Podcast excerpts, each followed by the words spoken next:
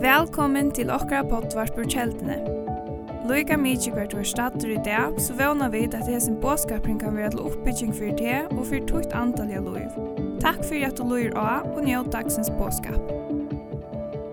Amen. Det som jeg har sett som en ivskrift til hese her talen, det er slækraft.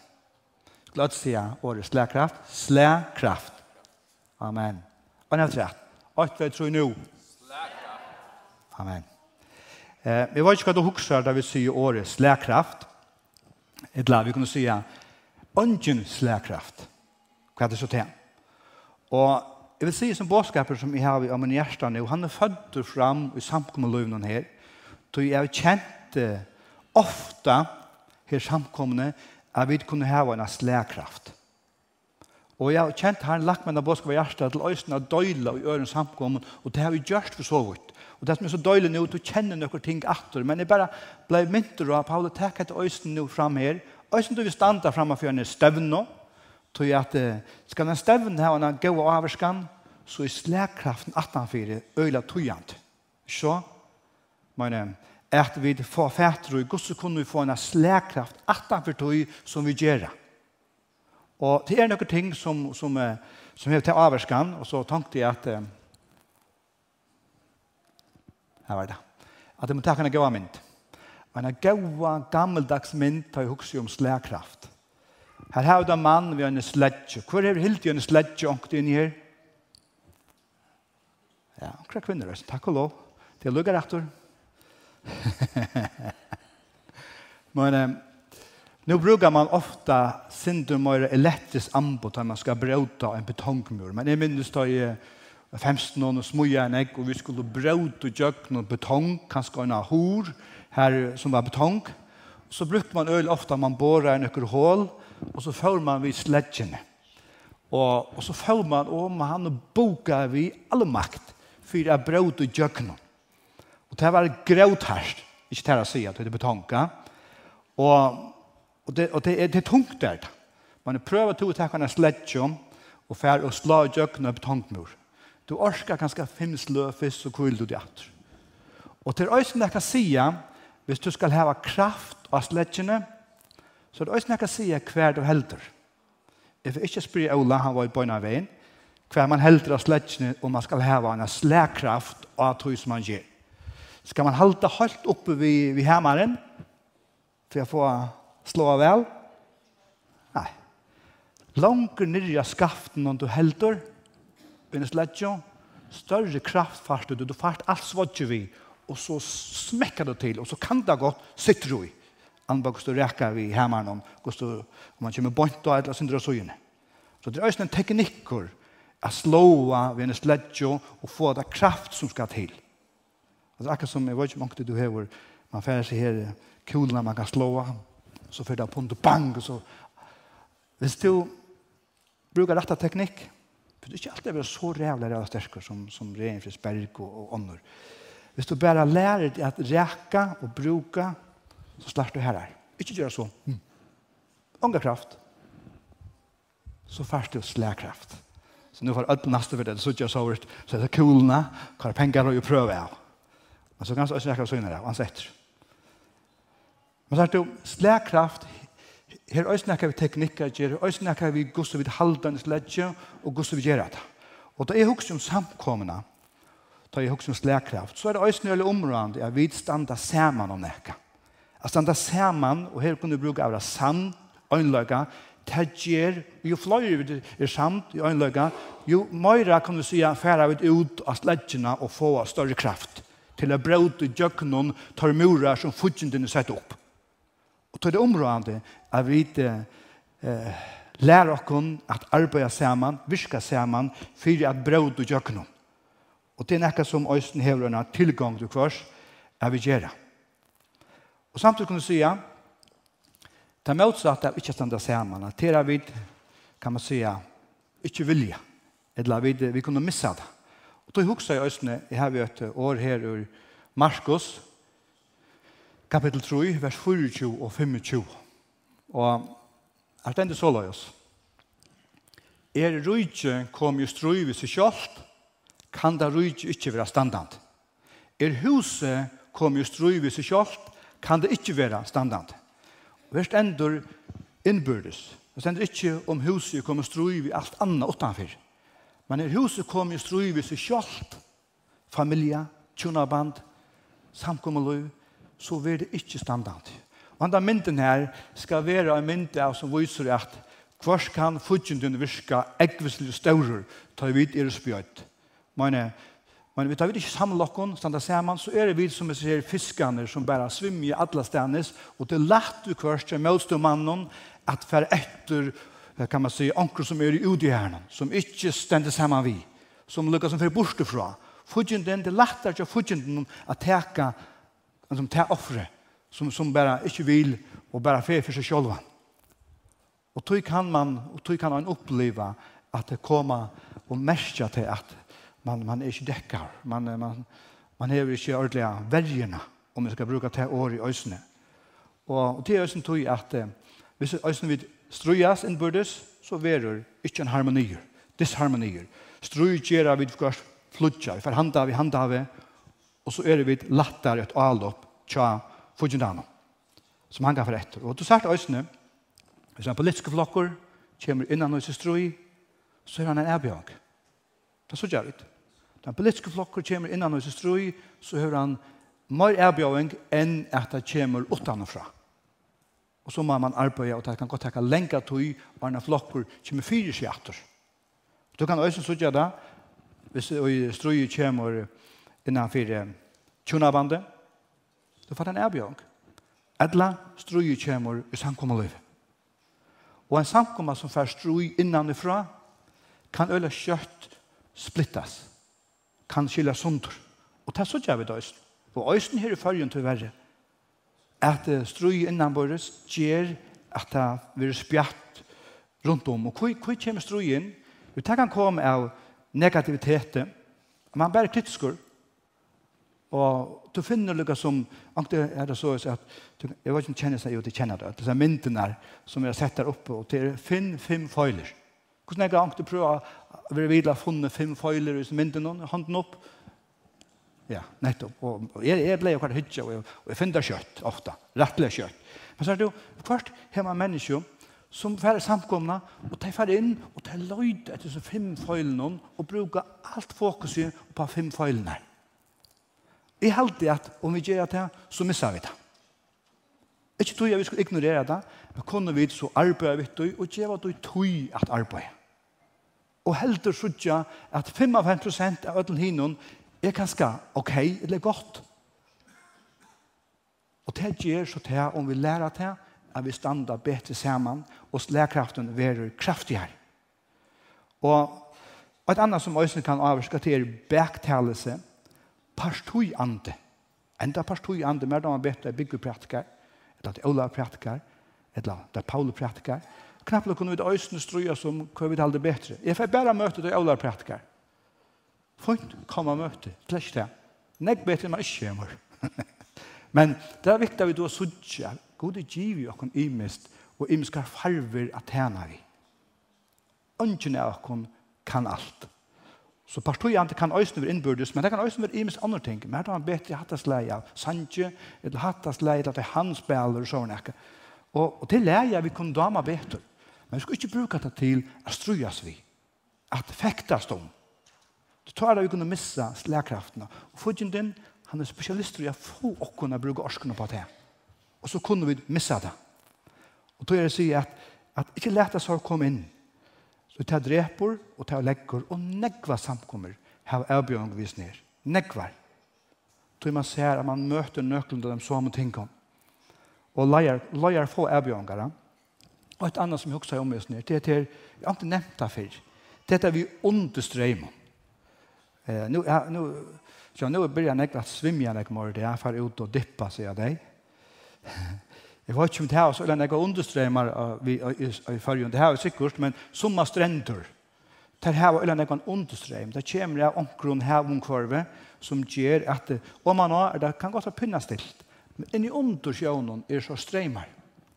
Og hvis man får svimja, man kommer ui en sånn streim, så vil det tydjen ofte vi streimen ut etter. Det er for ut etter. Og det er mennesker som drukner av det. Og tog vi det også noe avvære ans etter understreimen som du ikke ser. Og jeg googler det nemlig. Det stender, hvis du kommer en understrøm, kan man si, en strand, så skal du omgående bare vende atter, for å bønte møter inn atter. Det er det man, kan man si. Man møter du, og så venter man direkte. Det skal omgående gjøre. Du så får du bønte møter strømmen atter. Du skal fære til suyest, og så inn. Andelig tal er det godt hvis du kommer i understrømmer, fær til suyest sammen med Jesus, og så kommer du inn. Amen. Ikke færa til Per og Paul og hver navn han er. Fær til Suyes. Høyla ikke noen mestur har sett til Suyes. Fær til Suyes og vi sammen med Jesus, så vera vi lost utfrøyje fra understrømmen. Understrømmer er sår som fyrer krogene, som fyrir her og her og her. Og vi öll kunne dette ut. Jeg gjør det øsene. Men det er bare viktig at vi ikke lette at det er og nyer. Men som kjøtt som mulig være lost fra deg. Du tar avvarskar øysene, slær kraftene. Og jeg tykker vi at samkommer kyrkjer har bruk for at fenga seg atter, hver er vi? Det Ikke du, vi kunne godt være åsamt, og ta vera vi som mennesker. Men spørningen er hvordan vi gjør vi det? Hvordan kunne vi være vøyta at vi ikke missa slagkraften av løgavel? Og det er ikke alltid lagt, og tror er det nok godt at vi huksa nu færdig det suyes vi er her, og fag god og hjelp meg vi er her. Og det er ofte et godt svær alltid. Så er det jo, Hvis du leser kyrkjesøv, du skal ikke fære dykken ut det, her, eller du bare leser apostlasøvene, så sørst du øyne at det var nekst roi som øyne var i første samkom. du så sier, takk og lov til at øyne stroi innan våre. Tog at så er det ikke bare vidt, eller bare til, eller her i fyrjo. Så er det, det kommer bare til vi er mennesker. Men samtidig så er det skrivet og givet oss for at vi skulle lære av det og kanskje slippe undan du, eller komme bort ur du, tar vi dette inn i imisk ting som vi kunne strujas vi. Og la meg komme kjøtt i jøkken. Apostelsøvna, jeg har ikke til å beskrive her, men Apostelsøvna 15.2, her leser vi om det som vi kallar den store kyrkjefundren som apostlene høtt og ta i vekkelsen byrja i. Og hvor høtt en kyrkjefund, eller en samkommefund, som vi tenkte heva, ta at det var strøy kom inn, ta i mennesker ble møtt ved Jesus, og knapplega så var det ikke mara neiut at hava omskjering etla for etter ætlum boven og mausløven etla alla vidtøkene.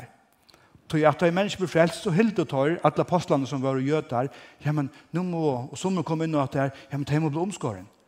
Og så må det knappt diskutere, hei, hei, var det nå ikke av naiv ble frelst? Var det ikke rettvisgjøringen?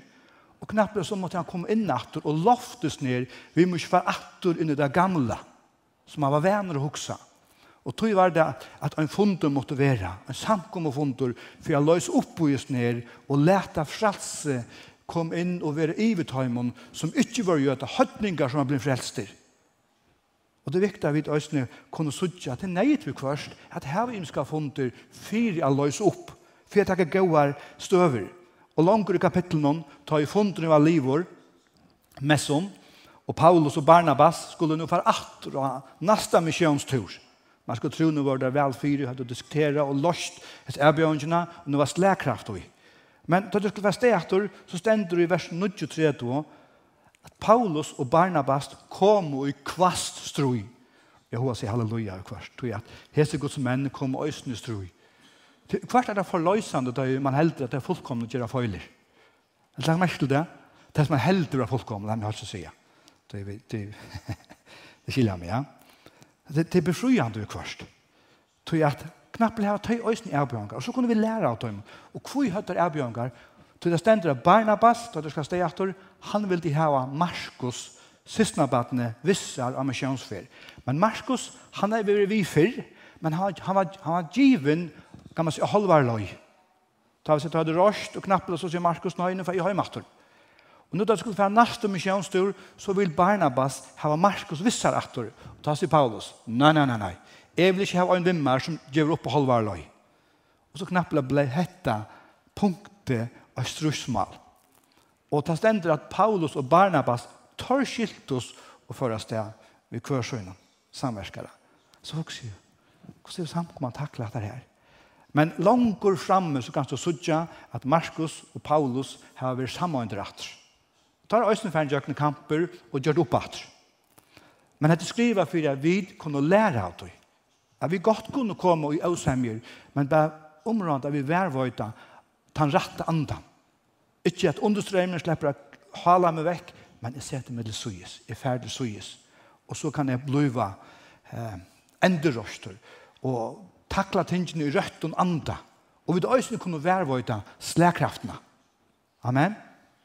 Og et annet jeg også om, til det her året her, som vi ångte har fremme for, det er at da Babelstårnet var bygd, mens til Babelstårnet, det ble bygd av, kan man si, ikke tryggvande, ikke kristne om vi skal bruke til året i det. Personer som ikke hadde samfunnet i herren. Det stendte så løs, ta i herren så at folk var ferdig å bygge et tørn opp til himmels, da det hoksa vi så vant til å komme at og sånn, og herren sier, tøyr er jo ått og sama folk, og ått og sama tungumal heva tøyr, atler. Hette det første i tøyr er farner undra gjerra, og nå vil ikke mun avførst hva tøyr så seta seg fire. Jeg husker, det er fantastisk, altså.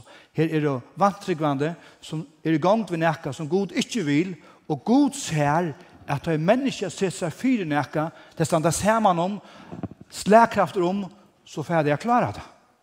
Men er det ikke var Guds vilje, så spjatte Gud det ut til han stekker ut ned.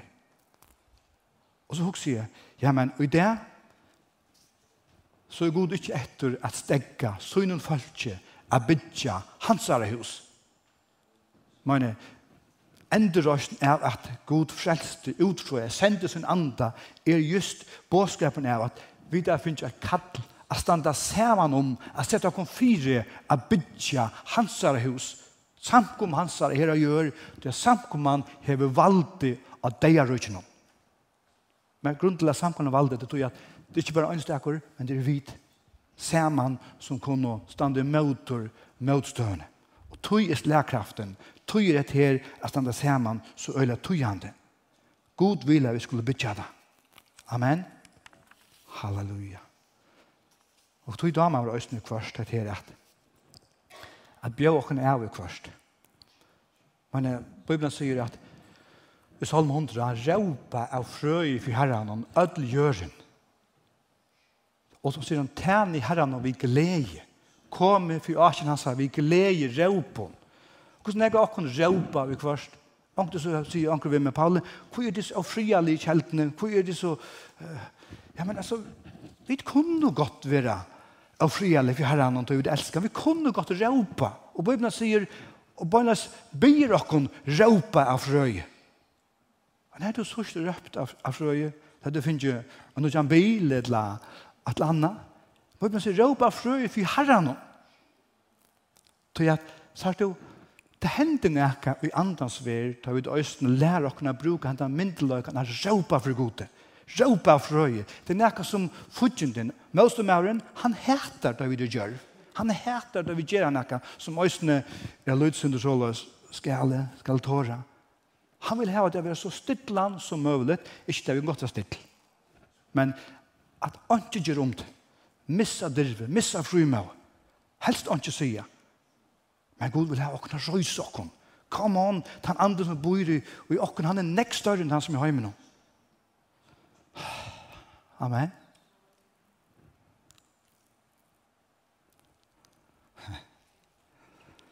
Jeg har jo nekva sånne det, eller kanskje i måneder også. Når får vi det råpet for herren og kjeltene?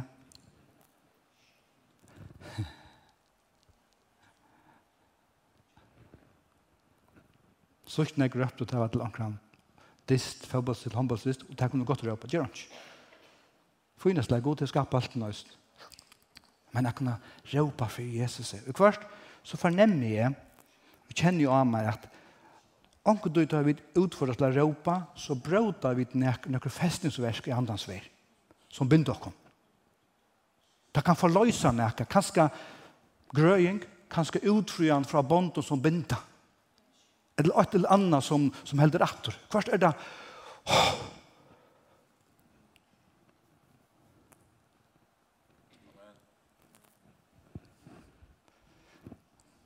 har synd rett av talene, men eh, kan jeg utfordre deg når jeg i morgen? Ja. Men her kan vi på det. Vi gjør det øyelig ofte til at det var yngre. Da vi ikke våre bønarturer. Som vi ikke gjør. Så råper disse proklamasjonene. Gjemmer et jod, gjemmer et e, gjemmer et s, gjemmer et o, gjemmer et s, som er til Jesus. Så røpte du ut kvann bøkstav i navnet av Jesus. Og så proklamerer vi det ut inn i vår, til omstøy som vi er. Kunne vi gjøre det her i morgen? Hvor er vi på det? Det som vi er på det, røyser seg. Og det som ikke vi er på det, røyser seg i øsene. Nå måtte lykke ansett i jøvene som er. Det som jeg gjør nå, er råper av alle makt. Kanskje skal jeg slette jøvene som er. Ikke? Ok. Jeg råper all makt, gjemmer meg et jod, og så boi jeg etter en tusen i jod. Så sier jeg gjør meg et e, så boi etter en til å gjøre det. Skal vi se det? Og hvis ikke anker ikke råper vi, så råper jeg om at det etter det her. Nei, det gjør jeg ikke. Men skulle gjøre, jeg merker det gjennom andre, vi skulle gjøre en proklamasjon som ikke vanlig man gjør, og man helst ikke burde gjørst, men vi gjør det, det er Guds hus her i fralse. Amen, er det klar? Er det klar? Er det klar?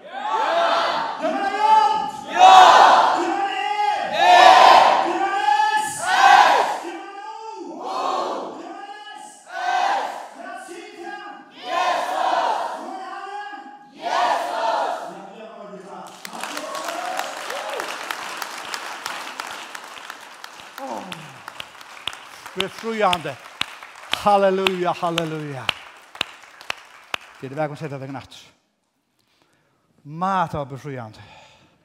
Vi kvart, så er bruk for å være er lojen, da er lojen gode, så er det han flyter eller gjør noen ting.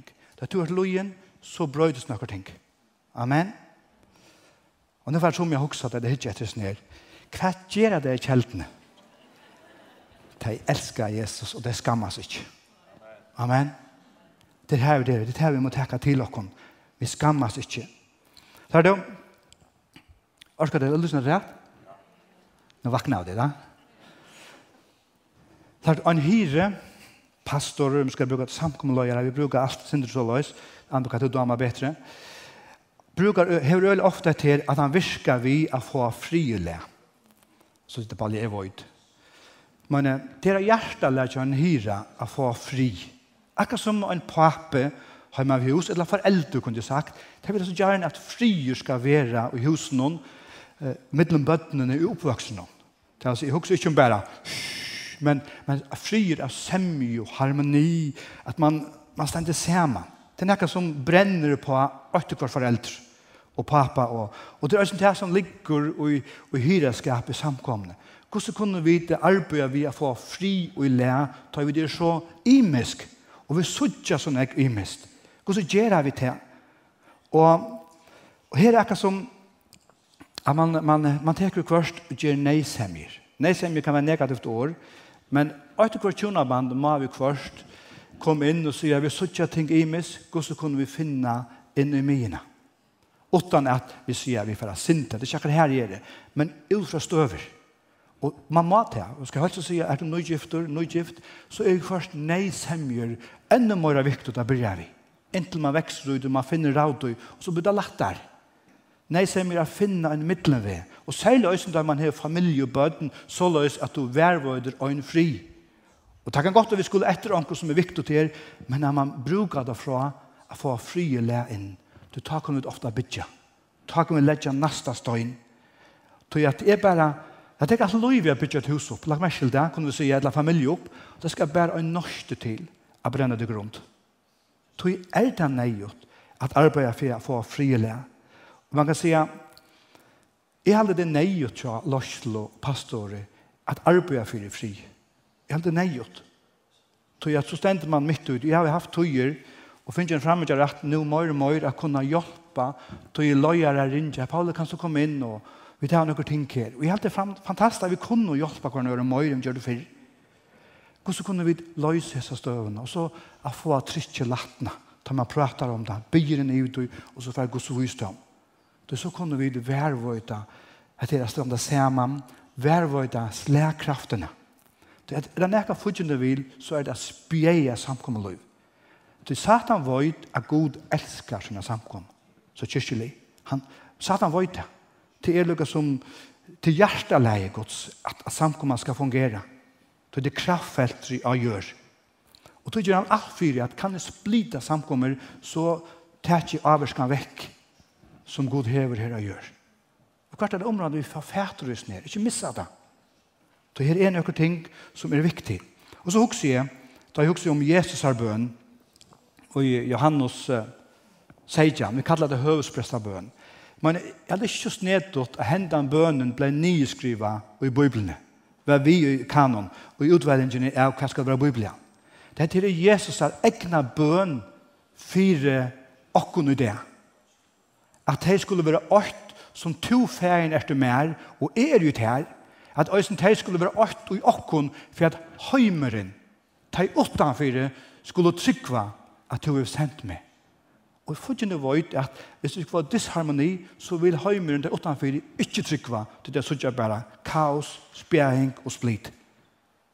Tøy er det neiot for lorslo, det er neiot for pastorer at arbeida gosse verva der i frien, utan at gjere seg kompromiene som er skoiv. Og det er nai man er bruk for det. Og her har vi disse mynden atter. Så du, det er spjæring er ui, så er fudgjene den stør. Men det er gods folk stendet saman, så er det vi som får etter fortjent ham. Skilder du? Så er det vi sammen som gjør at slagkraften her gjør man bare vidja. Så vi røyser oss og i så veldig kraft, og vi råper ut navnet Jesus som vi gjør det. Det gjør at det her kraftfeltet som god vil skal forløses, slær i jøkken. Og det som fudgen er stålig enda, det mister han atter. Det tar vi atter, og i høsten her er standa sammen og jeg halte vi til noen ting at jeg aktor. Amen. Men jeg kunne ikke kunne oppleve at akkurat bøttene er vi Et mistet, eller i imenskene vinen, eller akkurat anna. Ta vi standa sammen, så kunne vi få etter i aktor. Og i trygg, og i bønene, og i proklamasjonene. Og i bibelvers sier så løs. Læt okkon ta så mange som fullkommen er om, hava hetta sinnale, og er akkur som ditt hugsa arvesene, og arvesene om skal god oppenbæra tikkun til vi, best at vi så lengt som vi er kommen genga som løy. Og nå byrjar etter verset vi at let akkur som fullkommen er om, ta dette i langt av. Men det er tossen løgn, ok? Da sier du, ånden er akkur er fullkommen, men ta ut øya Jesus, så bor det fullkomna og jakom til månere. Men så, at så lenge som det blir til, genga som og løy, til det er imes ting som vi kanskje ikke helt klarer å teka, men vi kunne teka nekst sammen. Og det gjør at vi kunne være vårt en slagkraft, og så leta hit arbeidet seg i djøkkenen, og vi bytja sammen. Og kanskje djøkkenen året og høyre vil boa, at okkon eller okkon øren gjør, åh, nu nå nu jeg, Vi må bare være som kynnsøkeren, som er lastiker, lastisker, som tåler av strektor.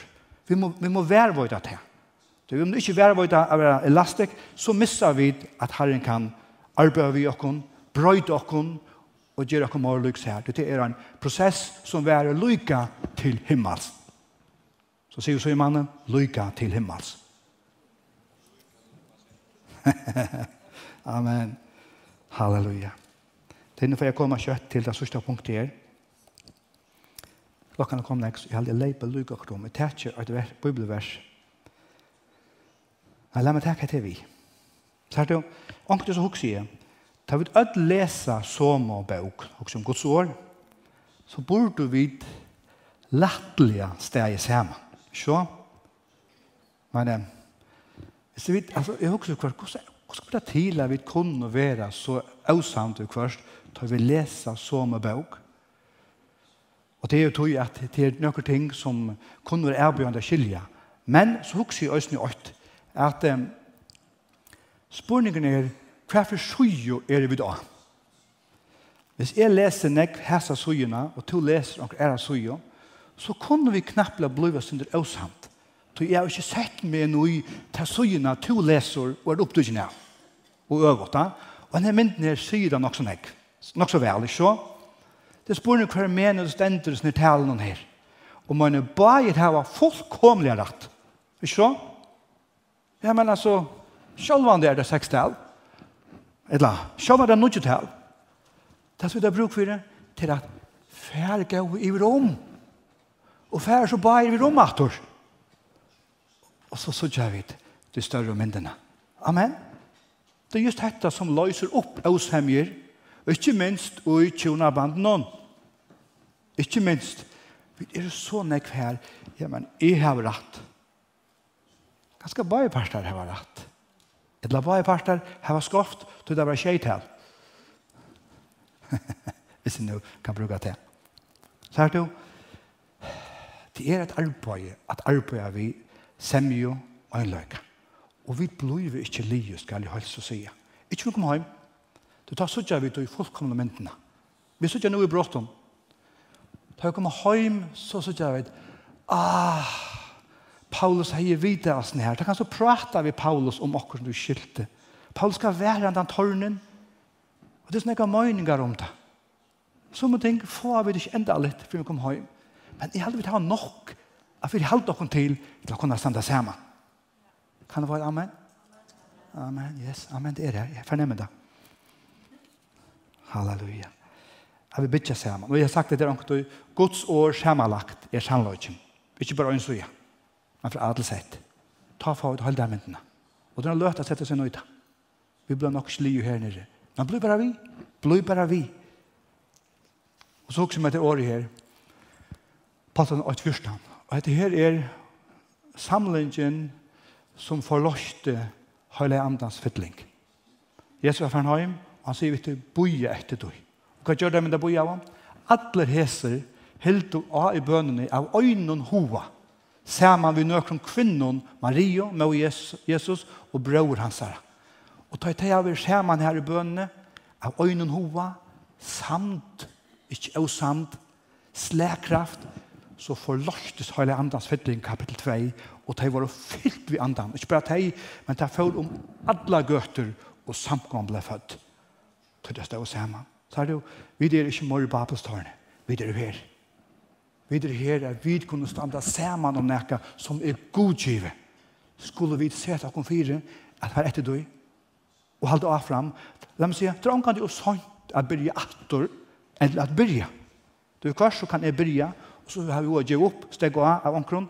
La meg høyt å si at der, er du her, har du mine rødt, om du sitter framme for skudjan, så er det ångad og sånt at blir atter om du høyrer at Herren drev det atter.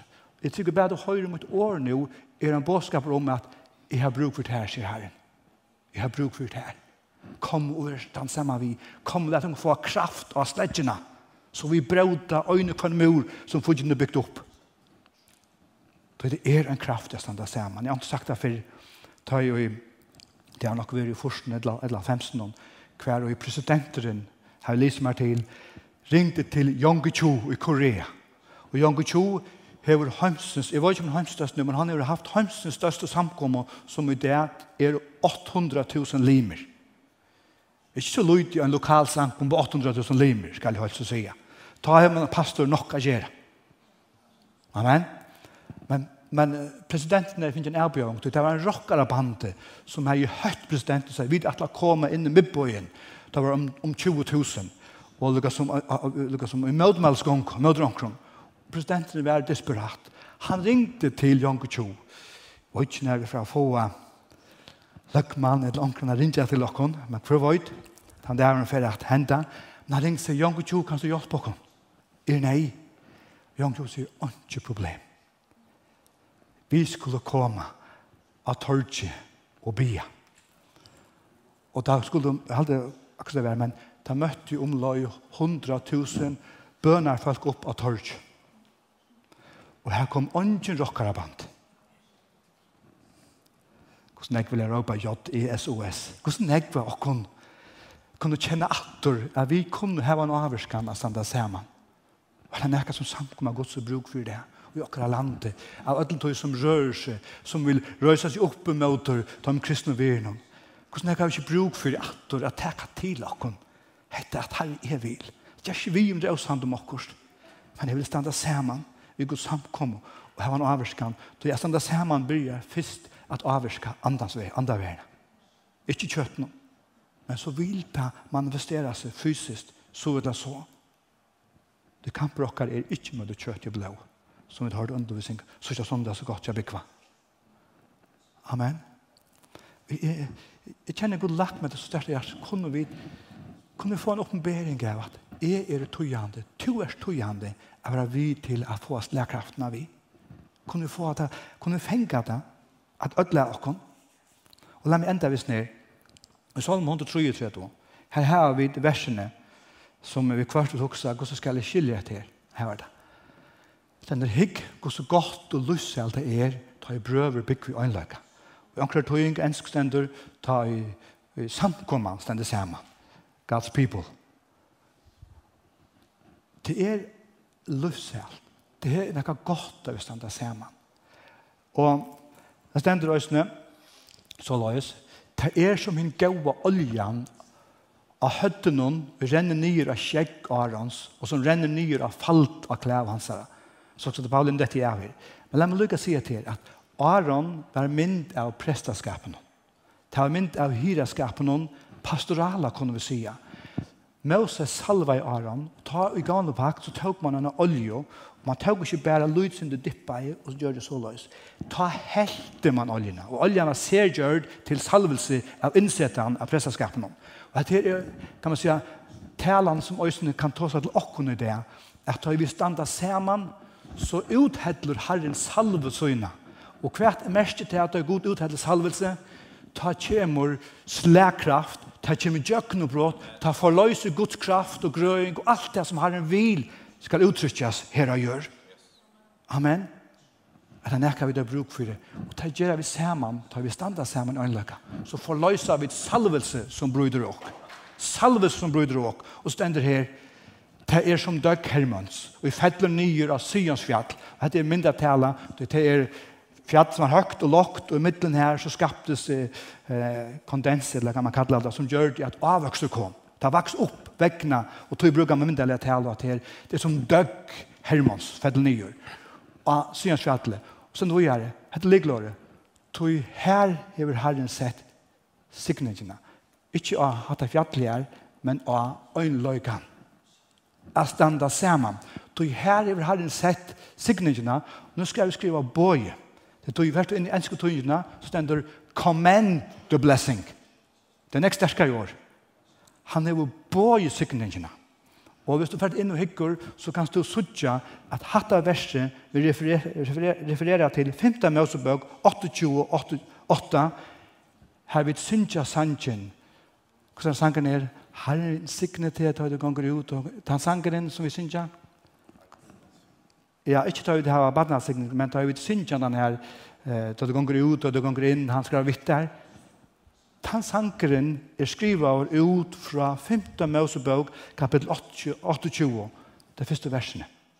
Bøkstavelig til som vi synger ut, og det vil referere til Salma 133, 3, her han har bøy sikningene, tog vidstanda saman. Slærkraften gjør at det slærer døkken om salvelse forløses. Hva vil ha mer av Guds kraft og Guds salvelse. Jeg vil ha mer, Men vid saman forløser det. Og tar vi røpt ut navnet Jesu Johanne, så trykker vi noen vi nækka, noen vi nækka de himmelska, som forløser seg kraftene. Amen. Halleluja. Takk, Jesus. Jeg er i livet, men jeg har nekk på hjertet, men jeg må stekke han jo så er det jo, la meg si etter rett, så er det en brevbrødingen. Brevbrødingen er en båtskaper om øynlagøsene. At han da ser man. Som liker ham, ikke? Og bygger kommer her og da. Men la meg si etter, om to blir vi kvart kjeddere omkring eller kjeddere, eller irriterer sin tur, enn akkurat samkommende. La meg så bare si at det prekvar om at du øyne er gøy, gøy i samkommende. Er du lyga klaver, lyga sæler, så legg ikke pett jo hva konger fyrir seg. Tøy vil si at legger du ui, så kan du godt få ylta omkring. Og det er ikke om at du hører til. Det er ikke noe om at du vil standa sammen. Så ikke takk det negativt, men bare takk det rett. Ikke gjøre det understrømmer, men takk det vi i bønn.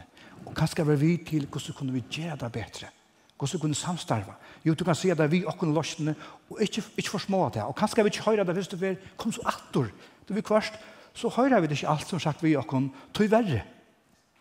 Og i kvart finner jeg da, du, å nei, jeg har glemt det her, onker sier det vimme, men jeg fikk ikke vi. Ferdig så til herren, byen nøyda, og sier det så atter vi har kom. Og om vi ikke hører det bare veien, kan vi ikke gjøre oss opp. Gjøre oss atre mulighet. Og atter atre mulighet. Og atter atre mulighet. Tjejfer, skjutefer, tjejfer. Gjøre oss atre mulighet. Du vil løyere, vi feiler. Vi dummer oss, og vi fenger det ikke først. Tror vi det er mennesker Saman bytja vi god samkommer. Jeg svarer takk at du vil hjelpe oss her. Her takk for mine elskede og familie her og det som ikke kunne være. Her takk for det her. Takk for det her. De er min gave her. Her de gjør at jeg kan stande sammen og vinne fudgendamen her. For meg selv, for kone mine, for bøtten mine her. Her for familie og alt det som er stand til. Her Min familie gjør, her at slagkraften er. Her du takk deg for kvann og øyne er, her Og byen her er det akkurat.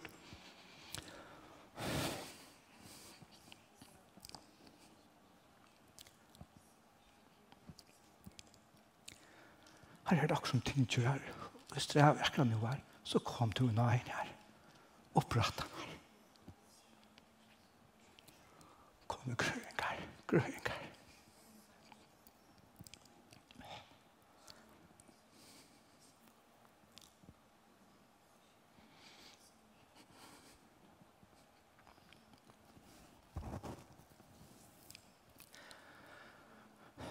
Takk for at du elskar okkon først der. Og til alle målerne her. Du elskar først. Her vil vi bare takke med og du i Jesu navn. Amen.